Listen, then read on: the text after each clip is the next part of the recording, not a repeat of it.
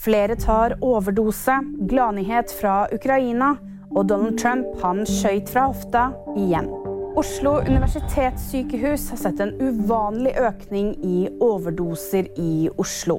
De skriver at de oppfordrer brukere til å være forsiktige og ta vare på hverandre. De sier også at de så fem overdoser bare i løpet av noen få timer i går. President Zelenskyj sier at minst 40 landsbyer i Kherson-området er gjenerobret. I dag har vi gode nyheter fra sør.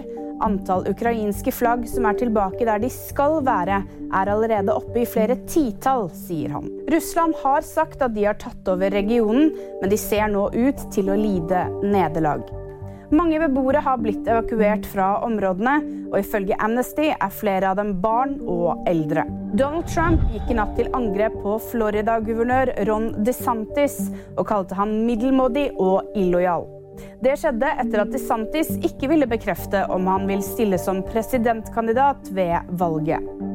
Trump har kanskje fått kjenne på presset etter at tirsdagens mellomvalg ikke gikk så bra som republikanerne håpet.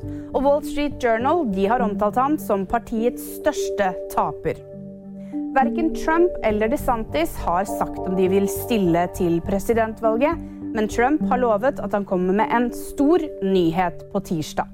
VG-nyhetene fikk du av meg, Ida Aaberg Evensen.